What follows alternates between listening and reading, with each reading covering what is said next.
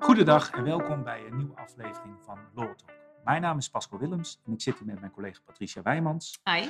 Maar vandaag, Patricia, hebben we twee speciale gasten, namelijk studenten van de Radboud Universiteit in Nijmegen, die nou ja, kennis komen maken met het arbeidsrecht. En het leek ons leuk om samen met jullie eh, een podcast op te nemen. Willen jullie je voorstellen? Ja, nou, eh, ik ben Stijn Willems. Ik eh, studeer inderdaad aan de Radboud Universiteit. Ik doe daar recht en management. Dat is een combinatiestudie van bedrijfskunde, vakken en dan gepaard met Nederlands recht. Daar doe ik alle vakken van. En eh, ja, ik heb er zin in. En ik eh, ben Leon van Nieuwhuizen. Ik zit ook het eerstejaars eh recht en management. Als Stijn al eerder noemde, ja, het gaat wel goed bij ons. Hè? Nou, Hartstikke mooi. leuk dat jullie er vandaag zijn. Ja, en jullie vertelden aan het begin van, eh, nou ja, want wij hebben al even geluncht en kennis gemaakt met elkaar. Ehm, en jullie vertelden al even, jullie moeten binnenkort een keuze maken hè, tussen drie vakken. Arbeidsrecht. Belastingrecht en persoon- en familierecht. Precies. En nou ja, wij gaan niet al te veel vertellen over die andere vakken, maar wij vertellen natuurlijk over het vak. Dus we hebben het gehad over het vak waar wij eh, heel veel plezier in hebben en wat wij heel leuk vinden, het arbeidsrecht. Ja. Ehm, en we hadden een leuke casus eh, bedacht hè, om met jullie te bespreken. Precies. ehm, de, de casus van de drinkende stewardess. Dat is al een wat oudere uitspraak Ja. van rechtbank Haarlem van eh, 29 juni 2012. Ehm, en dat ging over stewardessen die eh, op een vlucht zaten eh, Amsterdam, Johannesburg, Johannesburg, Amsterdam. En bij KLM geldt eh, een zero tolerance policy als het gaat om alcohol en drugs. Ehm, en ten aanzien van alcohol geldt de, de regel, en dat is bij iedereen bekend, dat je tien uur voor een vlucht geen alcohol mag nuttigen. En in dit geval wa- eh, ging het om, om twee stewardessen, of een, ik moet zeggen een eh, stewardess en een purser, die ehm, eh, na de lunch, of tijdens de lunch moet ik zeggen, eh, een glas wijn hebben gedronken. Ehm, ongeveer acht Ja, uur dat was acht uur voor de vlucht. voor de vlucht, ja. En ehm, nou ja, de feiten in de zaak zijn, daar wordt verschillend over verklaard, maar wat we eruit begrijpen is dat deze twee stewardessen uiteindelijk worden verklikt Ja. door een collega dat ze gezien zijn dat ze acht uur voor de vlucht alcohol hebben gedronken. En eh, daar komt de gezagsvoerder van het vliegtuig achter vlak voor vertrek. En die neemt de beslissing om toch met deze stewardessen te vertrekken. Ja. Ehm, omdat ja, als, je dat, als die dat niet had gedaan en had gezegd, ja, deze twee kunnen niet mee, dan was er te weinig bezetting en had de vlucht niet kunnen vertrekken. Deze stewardessen komen aan op Schiphol en worden dan opgewacht door eh, eh, personeelszaken. En na een kort voor ontslagen, omdat ze die regel hebben overtreden. Ja. Ehm, ja, en dan is de vraag, is dat nou wel een ontslag waard? Ja, daar kan je dan verschillend eh, over denken. Ehm, wat vinden jullie, jongens? Ik acht van wel. Ja, ik eh, kan erop uitbouwen. Kijk, die regel is er gemaakt voor veiligheid. Het is natuurlijk voor al het cabinepersoneel. En het gaat om veiligheid. Daar moeten we natuurlijk een zero, een zero tolerance regel, zoals de KLM inhoudt. Want of je nou één biertje of tien op hebt, dat, maakt niet uit. Je gaat niet op basis van eh, elke vlucht een blaastest doen of zo. Om te kijken van, heeft die alcoholpercentage? Dat werkt gewoon niet. Dus is dat de beste manier? Die tien uur, kijk, als jij tien biertjes op hebt, kost het natuurlijk langer om dat eh, weer uit je bloed te krijgen.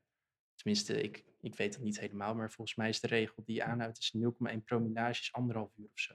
Ik geloof dat het voor het lichaamsgewicht wel uitmaakt, inderdaad, hoe snel je het afbreekt. Maar je hebt inderdaad gelijk, dat zoiets is het. Ja, Ja, dus in principe, we gaan natuurlijk niet constant als bedrijf, eh, als bedrijf KLM, ga je niet constant kijken naar wat consumeert nou eh, elke ehm, werknemer ervan. Dus moeten we eigenlijk gewoon consequent houden. Of je één of tien hebt, het maakt niet uit. Je moet gewoon strikt zijn erin. Dat is eigenlijk wat ik erover denk. ja, Ja, wat ik wel vind, is dat je naar elk geval apart moet kijken. En het gaat hier dan over één wijntje. En dat is dan acht uur van tevoren genomen, in plaats van dat de regel maximaal tien uur is. ja, Dus je zou kunnen kijken van, is dit wel, eh, is een ontslag wel eh, nou, redelijk om die vrouw dan, die al lang in dienst zijn, te ontslaan? ja, want ze waren eh, 32 jaar en 28 jaar in dienst. Ja, maar mag ik daar even op inhaken? Tuurlijk. Kijk, mijn, mijn punt daarin is, ik, ik ben het op zich aan de ene kant wel eens met, eh, met Leon. Alleen het, het gaat er meer om, er moet consequent zijn. Je kan niet op grote schaal, kan je niet constant testen of mensen wel of niet aan de alcohol hebben gezeten. Tenzij dat natuurlijk visueel zichtbaar is of er komt een dranklucht vanaf. Maar dan moet het wel heel kort voor tijd zijn. Als je, je gaat niet constant dus die blaastesten bijdragen. Dus dat wordt een grootschalig onderzoek, wat logistiek gewoon echt heel lastig wordt om constant uit te oefenen als Ja. bedrijf. En daarom denk ik juist dat die regel juist wel heel sterk staat. Ik denk dat de regel inderdaad eh, niet is van hoeveel alcohol je in je bloed mag hebben, omdat je dan inderdaad een, het is moeilijk meetbaar en dan krijg je een hoop gedoe. Dus het is gewoon helemaal niet. En dat is veiligheid, hè? dat zijn ook luchtvaartregels die daarop zijn. En die zien er natuurlijk wel op. En KLM is daar heel streng in. Dus is heel veel jurisprudentie over uh, vliegend personeel dat alcohol uh, nuttigt, ofwel een verslaving heeft of niet. daar kunnen we het zo nog eens even over hebben. Maar wat jij zegt, Leon, is natuurlijk ook de, de, gevolgen van dat ene wijntje zijn wel dat deze stewardessen zijn ontslagen. En uiteindelijk is dat door de rechter ook goedgekeurd.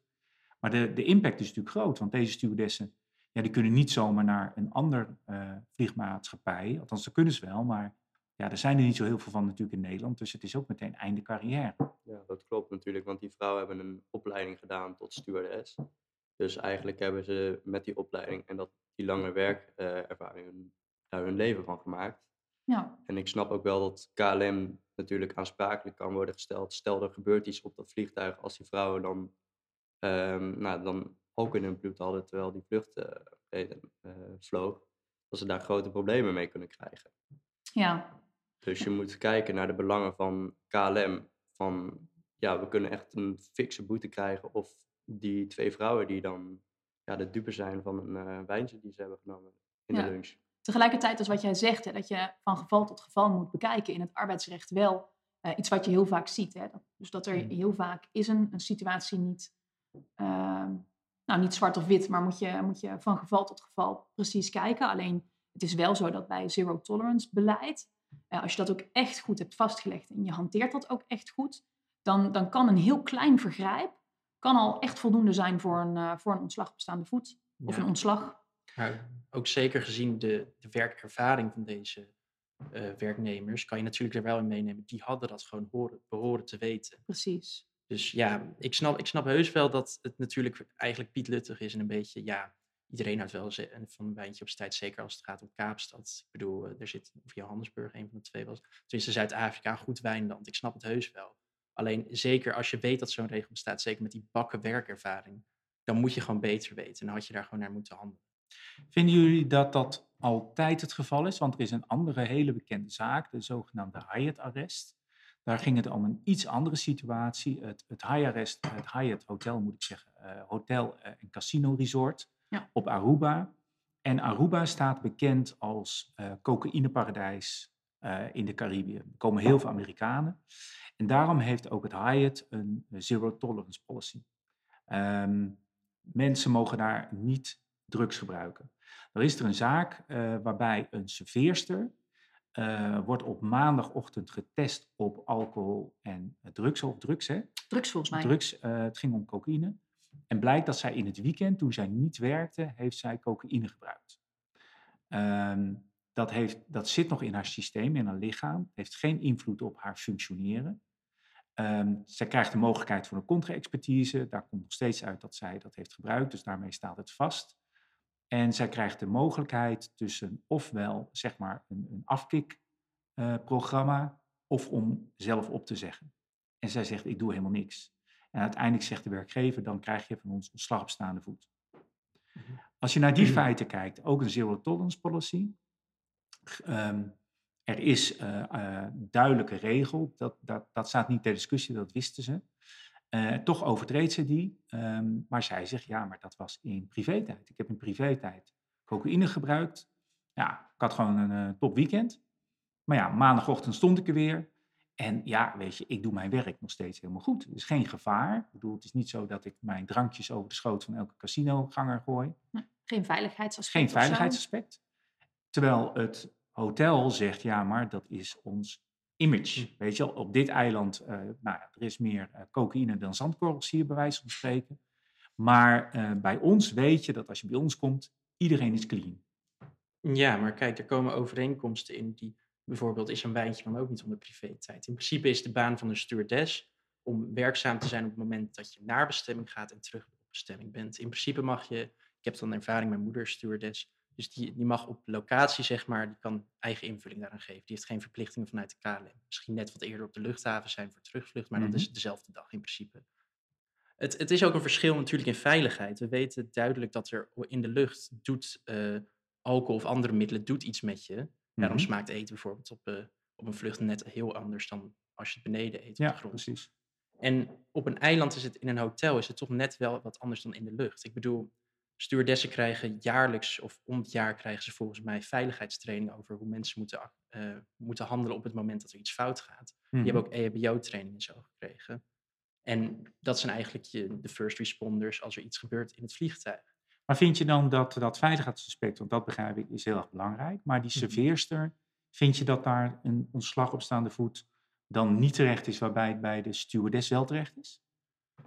Niet per se. Het, kijk, het, het is meer het punt van de duratie tussen de feiten is natuurlijk anders. Ik weet niet hoe lang cocaïne het systeem is. Ik weet wel dat alcohol dus na anderhalf uur ongeveer 0,1 promillage.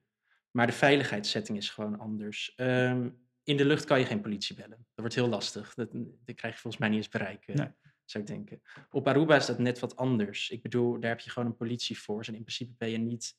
Je bent verantwoordelijk voor natuurlijk eh, je bedrijf. En als werknemer ben je ook wel verantwoordelijk voor de gasten die er komen. Maar er zijn alsnog wel mensen die als een soort van backup kunnen dealen op het moment dat jij ehm, je functie niet goed kan uitvoeren. Of dat er iets gebeurt en jij bent op dat moment dan onder de invloed. Ja, als stewardess ben je natuurlijk gewoon het eerste aanspreekpunt eh, Ja. in een Ja. vliegtuig. En Ja. dan ben je eigenlijk, eigenlijk ook verantwoordelijke voor de, voor de gasten die in het vliegtuig zitten. Dus de verantwoordelijkheid van de stewardess over veiligheid eh, van, van de cabine. ja, als, Daarvan zeg je, daarvan snap ik dat de, de nou, zeg maar zero tolerance er is. Hè, en dat, is ook, dat heeft dat belang. En bij een serveerster dan niet? dan heb je niet echt een verantwoording eh, over je gasten. Ja. Daar heb je een manager voor. Ja. En de serveerster heeft natuurlijk ook geen opleiding. Tenminste, je hoeft geen opleiding te doen om serveerster te zijn. Nee. En Maar dat was niet het Nee, belang en, wat de en, en, werkgever en stelde. volgens mij was het hier ook niet zo. Het ging er hier niet om dat ze haar functie niet meer kon uitoefenen. Want volgens mij stond dat vast. Ik bedoel, ze hadden het nog in het systeem, maar het was niet meer dat het eh, van invloed was op haar functioneren. Het was meer het, belang van. Precies. Eh, De, de reputatie was echt het belang waar het om ging. Ehm, dus vinden jullie die, die. Nou ja, bij KLM is duidelijk dat veiligheid een, een belangrijk aspect is. Maar vinden jullie reputatie ook een belang wat zodanig zwaar weegt dat iemand daar zijn baan voor verliest? Nou, ik vind de gradatie tussen alcohol en cocaïne vind ik natuurlijk wel een enorm verschil. Je kan natuurlijk niet alles om één kam strijken, maar zeker gezien de reputatie dan van het eiland gepaard met het hotel, snap ik heel goed dat je denkt van ja, weet je, eh, wij willen erom bekend van een soort van, eh, ja, een soort van gebouw in een eh, eeuwige vlakte te zijn die nog wel clean is op zo'n eiland. Ja, Ja. Maar ehm, daarom zou ik het dus juist kunnen rechtvaardigen. Aan de andere kant, in hoeverre moet natuurlijk een werkgever in de privésfeer eh beïnvloed Precies. Ja. dat geeft natuurlijk de werkgever ook dan heel veel macht als hij op dat soort, zulke gronden al een werknemer mag ontslaan. ja. ja. Ja. Nou ja, precies. En dat, uiteindelijk was dat natuurlijk ook het argument van de medewerkster. Van ja, ik heb het in privé-tijd genuttigd. Het had geen invloed, het zat wel in mijn lijf. Maar het had geen invloed op mijn functioneren eh, tijdens werktijd. Het enige belang wat de werkgever had, was dat imago. Eh, maar dat was niet aan haar echt te zien, behalve dat ze iets vergrote pupillen misschien had. Eh, uiteindelijk heeft ook die zaak tot aan de Hoge Raad heeft stand gehouden. In die zin dat het ontslag staande voet gerechtvaardigd werd. Dus je ziet dat als het gaat om alcohol en drugs, de inmenging in, eh, van, van een werkgever in het privéleven van de werknemer kan best ver gaan.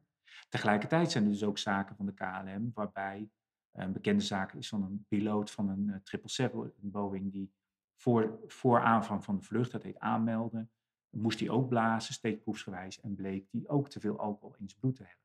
En voordat hij begon met zijn vlucht. En die zei van, ik heb een alcoholverslaving, ik ben ziek. Wat vinden jullie daar dan van? Als je zegt, ik ben verslaafd. Moet je onder ziektewet vallen in principe, Ja. denk ik. Op dat. Ja, de, de- Je, kan, je kan je functie niet meer goed uitvoeren. ja ik denk dan dat je eerst hulp moet zoeken voordat je weer zo'n verantwoordelijke baan kan Ja. uitoefenen. dat, dat kreeg hij ook. Hè. Die zei toen ook van, nou ja, ik, wil, ik ben bereid af te kicken. Ik ga naar de bedrijfsarts toe, ik laat me helpen. Ehm, Maar tegelijkertijd wringt het dan toch ergens. Hè? Want ik bedoel, iemand die tijdens de lunch, hè, we hadden net die twee dames die 20, 30 jaar in dienst waren, die één wijntje hebben genuttigd Mhm. tijdens een lunch, acht uur voor de vlucht. En die worden ontslagen. En iemand die als piloot in die cockpit gaat zitten ehm, en vaker kennelijk alcohol nuttigt, sterker nog, echt een probleem heeft met alcohol, die wordt niet ontslagen. in dit geval wilde KLM hem wel ontslaan. eh, alleen, hij beriep zich op het zogenaamde opzegverbod eh, tijdens ziekte. Namelijk, als iemand ziek is, kan je hem niet ontslaan vanwege die reden. Ja. Uitzonderingen daar gelaten. Maar, En dat, dat ontslag eh, werd door de rechter teruggedraaid. maar weten we ook toevallig of dat in Nederland was of, dat- Ja. of dat jouw locatie was? Nee, het was een, eh, hier in Amsterdam. Dus KLM. maar dat is natuurlijk ook wel weer een verschil. Die mensen waren al op locatie, die moesten terug. Die, je hebt geen thuisbasis, je kan ze niet naar huis sturen. Die piloot kan je nog naar huis sturen. Dat vind ik ook wel een groot verschil. Kijk, die heeft een probleem en die is, uber- het is überhaupt al heel raar dat hij opdaagt bij een vlucht terwijl die duidelijk gewoon positief blaast. Dat is natuurlijk al, al slechte gedachte. Maar het heeft natuurlijk ook wel een stukje veiligheid, wat hij daar misschien nalaat. Maar het op locatie zijn, dan hoor je nog beter te weten, denk ik, dan dat je op thuisbasis bent. Op thuisbasis kan je nog naar huis worden gestuurd. Er zijn genoeg reservestuurdessen. Die kunnen dan ook op die vlucht worden gestuurd in jouw plaats. Maar daar maakt de KLM volgens mij geen onderscheid in, toch? nee. In Nee, het beleid? dat- dat weet of ik je, exact van, waar je, van waar je terecht komt? Nee, maar dat heeft natuurlijk wel invloed er deels op. Want het gaat natuurlijk om veiligheidssettingen en mate van hoe snel je het kan oproepen. Die vlucht van Johannesburg bij een bepaald aantal stewardessen, als, die konden niet allemaal teruggestuurd worden als passagier, want dan zou die vlucht niet gaan. Op Amsterdam heb je mensen die dan overgeplaatst kunnen worden. Dus ik vind dat die gevaarzetting toch anders ligt. Ja, dat, dat speelt denk ik wel mee. Maar KLM heeft wel een zero tolerance policy. En in dit Mhm. geval ook al, die, deze piloot kreeg uiteindelijk van de rechter gelijk dat hij zei, ja, je bent verslaafd. En verslaving is in Nederland een ziekte. Dus je hebt ontslagbescherming. Eh, uiteindelijk heeft KLM er zelf voor gekozen om boetes. Hè. Hij, hij kreeg op een gegeven moment boetes toegekend als hij niet toegelaten werd tot weer terugkeren. Hij moest dan eens op de flight simulator. Terwijl de KLM zei van, eh, ja, maar jij komt bij ons nooit meer aan boord. Eh, want dat is ook imago-schade. Want wij willen niet hebben dat onze passagiers ook hoeven te twijfelen dat er iemand aan boord zit, of dat nou een gezagvoerder is of een piloot of eh, cabinepersoneel, die eh, onder invloed van alcohol is. Die moeten er altijd vanuit kunnen gaan dat dat bij ons niet het geval is. En ze hebben uiteindelijk eerst drie ton nog betaald aan boetes en nog eens een keer, ik geloof drie tot vier ton aan ontslagvergoeding. Ja. En ik heb me laten vertellen dat die piloot eh, inmiddels in eh, het Midden-Oosten vliegt voor een maatschappij daar. Ehm, maar dat, daar houden ze wel strikt de lijn aan. Dus eh, dat is in ieder geval wel wat, wat je hieruit kan halen. Dat KLM eh, accepteert dat absoluut niet. En dat is ook de beleidslijn die ze eh, ook aan iedereen willen uitstralen. Dan komt de reputatie en eh, veiligheidsgevoel dan toch samen met, eh, bij, Ja, bij deze zaak. Precies. Ja, Precies, en dat zie je dan. En waarbij het Hayat-arrest, de reputatie, uiteindelijk de belangenafweging is wat de Hoge Raad deed. Hè, want daar werd ook een beroep gedaan op lichamelijke integriteit. Hè. Mag jij als werkgever iets zeggen over wat iemand in het weekend doet, wat geen invloed meer heeft op ja, de werkzaamheden? Je zou in principe zeggen nee. Eh, maar toch, als je daar heel duidelijke regels hebt, hè, en iemand weet dat van tevoren, die kiest er ook voor om daar aan dienst te treden, weten dat dat de beperkingen zijn, Ja. dan mag je dat in principe mag je dat doen. Ja, Ja, dat willens precies. en wetens doen is natuurlijk een groot aspect ervan. Ja, klopt. En je hebt altijd natuurlijk, eh, een, een dienstgrond is geen slavernij, dus je kan altijd zeggen, nou, ik, in het begin voel ik me er wel oké bij dat iemand die invloed heeft, maar op een gegeven moment niet meer. En dan mag je dus ook dan gewoon kun je vertrekken. gewoon opzeggen natuurlijk. Ja. Maar wat heel belangrijk is in dit soort zaken is A, dat je het heel erg goed vastlegt. Dus moet, die, die regels moeten heel duidelijk zijn. En je moet het ook heel consequent handhaven. Dus stel dat je daarin gaat zwabberen en de ene keer wel ontslaat en de andere keer niet. Ja, dan heb je ook een veel grotere kans dat je, als je wel iemand ontslaat, dat je bot vangt bij de rechter. Ja, Hm. plus een, je moet een redelijk belang hebben natuurlijk. Je moet het belang wel aan kunnen tonen. Ja. Dat je niet denkt van, goh, ik verzin maar eventjes wat om iemand... eh, Nee, nee maar daarom, je moet je het aan de doet. voorkant moet je het heel goed hebben geregeld en Ja. vastgelegd. Zo weinig mogelijk interpretatievrijheid. Dat, is eigenlijk, dat moet ook de maatstaaf zijn. in Ja, klopt.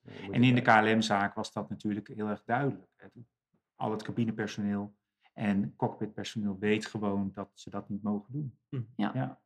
Ja, dan is het belang van KLM toch groter dan het belang van twee eh, stewardessen in de Ja. KLM-zaak. Ja. Ja. Hoe pijnlijk ook is natuurlijk, hoe groot de gevolgen voor hen persoonlijk ook zijn. Maar dat, dat eh, werkt dan wel door. Ja, want als ze dat hadden goedgekeurd, dan waren er ook andere personeelsleden misschien die dan een, eh, een wijntje deden tijdens de lunch en die dan zeggen van ja, maar u mocht het ook doen. Ja, Precies. Dan, eh, klopt. Maar De denk niet alleen- precedentwerking daarvan. Ja, maar denk niet alleen aan KLM, denk ook aan alle passagiers die ze moeten, die ze moeten vervoeren. In principe zitten zij er ook met een veilige gedachte.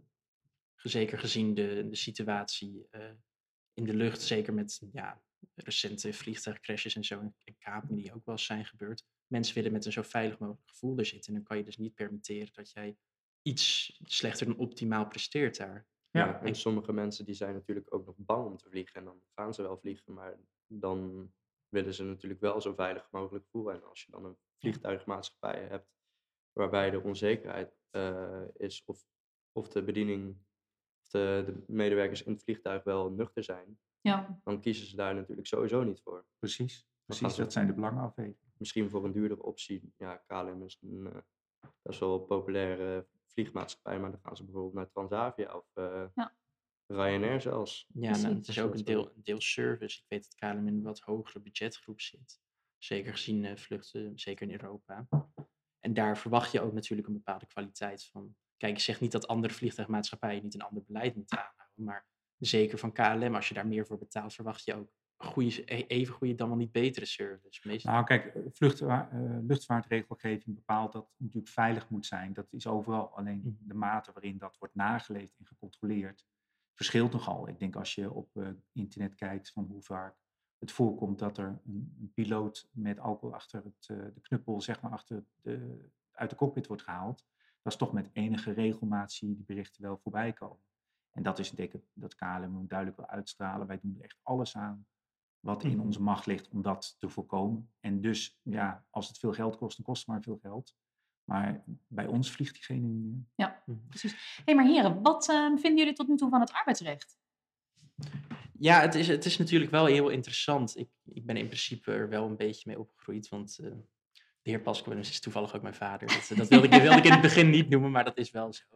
Ehm, maar dat heeft natuurlijk wel een bepaalde impact gehad op mijn opvoeding daarin, dus ik weet er al wat meer van. In vergelijking dan met Leon, die, Ja. hier, die er blind in gaat. Wat Maar, vind jij ervan, Leon? Ik eh, zit sowieso, voordat ik hier kwam, zat ik al, want volgend jaar moeten we dus kiezen tussen drie vakken. Tussen ehm, familie- en personenrecht, ehm, belastingrecht en dan arbeidsrecht. Ik zat dan te twijfelen tussen belastingrecht en arbeidsrecht. En dat zit ik nog steeds. Alleen, ja, het lijkt me allebei heel erg interessant. En arbeidsrecht is natuurlijk wel, dat heeft ook heel veel invloed op jou zelf en op je familie. Zeg. Als je daar meer van weet, dan, dan is dat ook wel handig voor jezelf wat kan ik nou eh, eisen bij mijn werk, werkgever bijvoorbeeld? Ik heb dan een baan in de horeca. Ja, je ziet heel vaak bij eh, werkgevers in de horeca dat ze toch een beetje dingen proberen te, te verzinnen waardoor, eh, waardoor eh, ze er makkelijker onderuit komen. Want Ja, ik het is heb wel dan, handig om je rechten te kennen. laatst heb ik dan gehoord, mijn oude werkgever die, eh, nou ik heb, had een nul uren contract daar als eh, bediening. En die appte mij wel eens drie uur van tevoren, ja, we hebben je vandaag niet nodig. Eh, Ja. het, ja. het wordt niet zo druk vandaag. Ja. Maar ik heb dan laatst te horen gekregen dat het eigenlijk helemaal niet mag. Ja. Nou ja, dat mag wel, maar dan heb je wel recht op je loon. Ja. Hij mag wel zeggen dat je niet hoeft te Ja, komen. Maar precies. dan kan je zeggen, nou hartstikke goed, maar Hartstikke maak mijn goed. loon me wel over. En dat is dan wel het probleem, want als je loon wil krijgen, dan moet je je inklokken en weer uitklokken. En die registreert hoeveel uren je hebt gemaakt. Ja. En als je dan niet hoeft te komen, dan kan je ook niet inklokken.